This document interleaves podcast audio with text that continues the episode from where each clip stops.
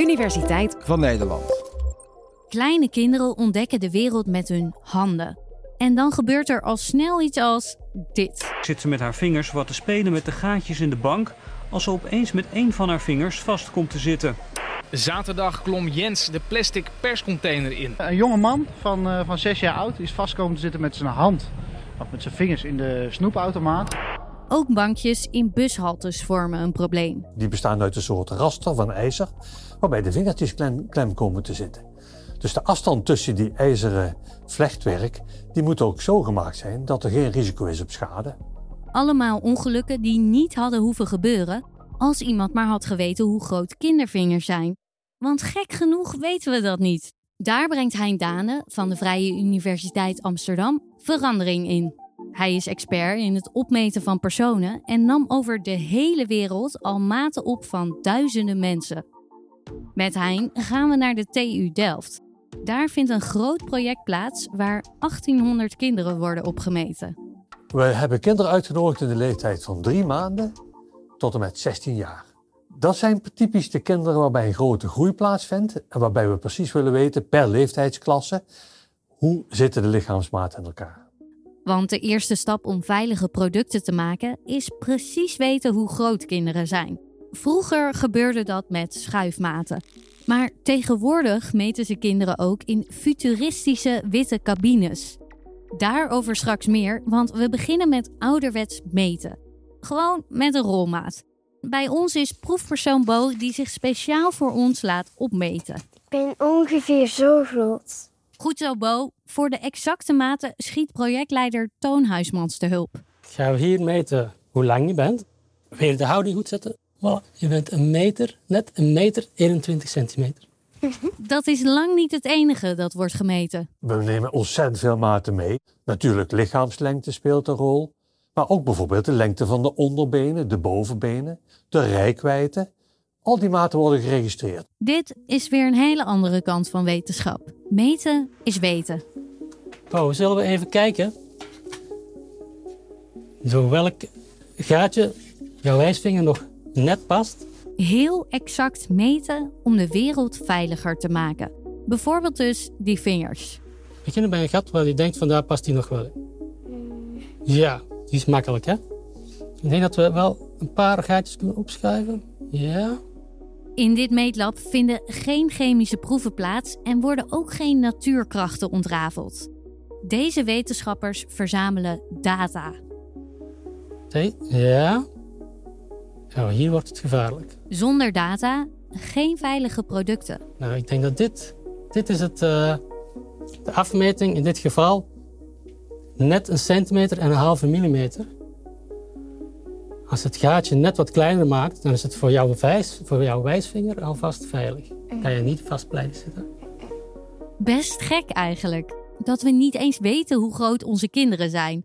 Waarom is dat niet al lang een keer opgemeten? Consultatiebureaus meten natuurlijk de kinderen regelmatig, maar dat zijn maar twee of drie maten. Een grootschalige meting is gedaan rond 1990, ook hier in Delft. Dus dat is bijna 35 jaar geleden. Toen hebben ze 40 maten van kinderen bepaald. Maar ja, kinderen zijn veranderd in de tussentijd. Kijk, alleen even een lengtegroei. Dan zie je dat ze kort na de Tweede Wereldoorlog worden kinderen van een bepaalde leeftijd elk jaar wel een paar millimeter langer. Tot 1990 ongeveer, toen was de groei afgevlakt tot ongeveer 1 mm per jaar. En vanaf het jaar 2000 zien we eigenlijk niet meer zoveel lengtegroei, maar we zien nog wel wat verschil in omvang van de kinderen. Al met al zijn kinderen dus ongeveer een centimeter langer dan bij de laatste meting. Valt wel mee, zou je denken. Maar als het gaat om wel of niet klem komen te zitten in een kinderstoeltje, ja, dan maakt een centimeter best wat uit. Belangrijk onderzoek dus, dat zich niet beperkt tot Nederland. Wij meten hier in Delft en we meten ook in Amsterdam, maar er wordt ook in het buitenland gemeten. Want we doen het werk ook voor Europese normen. En daarom wordt ook in Spanje, in Valencia gemeten. En daar zitten de wat kleinere kinderen. En hier in Nederland hebben we de grotere kinderen. Deze metingen die worden uh, overhandigd aan de Europese Unie. En die zorgt ervoor dat er richtlijnen komen voor afmetingen van producten. Soms ook normen waaraan voldaan moet worden. Die normen komen terecht bij ontwerpers door heel Europa. Aan de hand van dit Delftse onderzoek kunnen zij bepalen welke vorm en afmeting Bijvoorbeeld kinderzitjes en traphekjes moeten krijgen. Sommige de keiharde eisen kunnen, moeten ze aan voldoen. Maar er zijn ook richtlijnen. Die zijn wat soepeler. Maar zodat ze weten ook van oké, voor deze groep ontwerp ik. Handig, want zo kan een kind bijvoorbeeld veilig en comfortabel op een bankje op de bus wachten. Zonder dat er ergens vingers vast komen te zitten. Om veilig te ontwerpen moet je weten hoe groot een kind gemiddeld is. Belangrijker is nog niet het gemiddelde, maar ook de spreiding. Want je wilt niet ontwerpen voor een ideaaltype alleen, maar ook voor de kleinere en grotere kinderen. Meestal wordt het zo gedaan dat een keuze wordt gemaakt dat een product voor 95% van de kinderen geschikt moet zijn. Want de extreem lange en extreem korte is altijd heel moeilijk om daarop te ontwerpen. En vandaar dat we niet alleen de gemiddeldes bepalen, maar omdat we zoveel kinderen meten, ook heel goed de spreiding in kaart kunnen brengen. Dat doen we ook wel met een standaardafwijking, heet dat dan. Standaardafwijking. Hij legt het uit. Ik geef even een voorbeeld van lichaamslengte.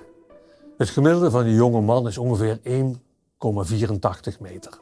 Maar er zit een flinke spreiding op. Dat zie je als je op straat gaat. Je ziet dat de mensen lang zijn, kort zijn.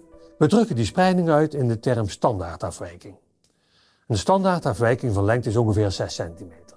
Dat wil zeggen, de meeste mannen zijn tot 6 centimeter kleiner of tot 6 centimeter groter dan het gemiddelde. Die groep samen is altijd twee derde van de mensen.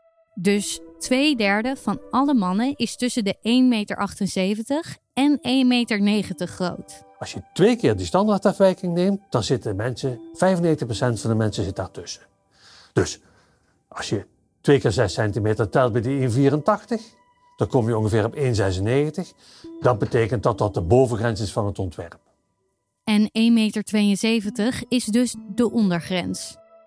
In Delft wordt voor alle maten, vingers, voeten, armen, de standaardafwijking bepaald voor kinderen, opgedeeld in leeftijdsgroepen. Maar wat nou als je voor jouw nieuwe product data nodig hebt over iets wat ze in Delft niet hebben opgemeten? Bijvoorbeeld de lengte van neuzen. Nou, ook daar is wat op bedacht. Er is een nieuwe techniek bijgekomen die veel mogelijkheden biedt. Dat is het maken van een 3D-kopie van het lichaam. Als de kinderen stilstaan, wordt er heel snel een opname gemaakt met veel camera's. Die worden aan elkaar gerekend en dan hebben we een 3D-kopie. En uit die 3D-kopie kunnen we dan weer verschillende lichaamsmaten rekenen. Ook van proefpersoon Bo maken we een 3D-kopie. Ze neemt plaats in een achthoekige witte kamer met allemaal zwarte golfjes op de muren en vloer. Door die golfjes weten de camera's precies hoe en waar ze staat. Bo heeft een eh, haarnetje op, zodat we ook het haar plat tegen het hoofd aandrukken, dat we goed de vorm van de schedel kunnen vastleggen. 3, 2, 1. Zo, is het klaar. Toon laat de foto's van de scan zien aan Bo. Alle foto's die gemaakt zijn door alle verschillende camera's, worden nu naar deze computer gebracht. En dan kan straks de computer van jou alle foto's een 3D-kopie maken. En dan kunnen we op dit kopie gaan meten wat je heupbreedte is, je schouderbreedte, zonder dat je hier moet blijven wachten.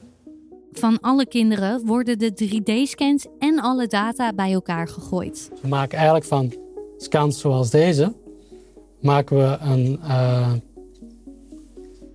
een standaardmodel zoals je deze hier ziet.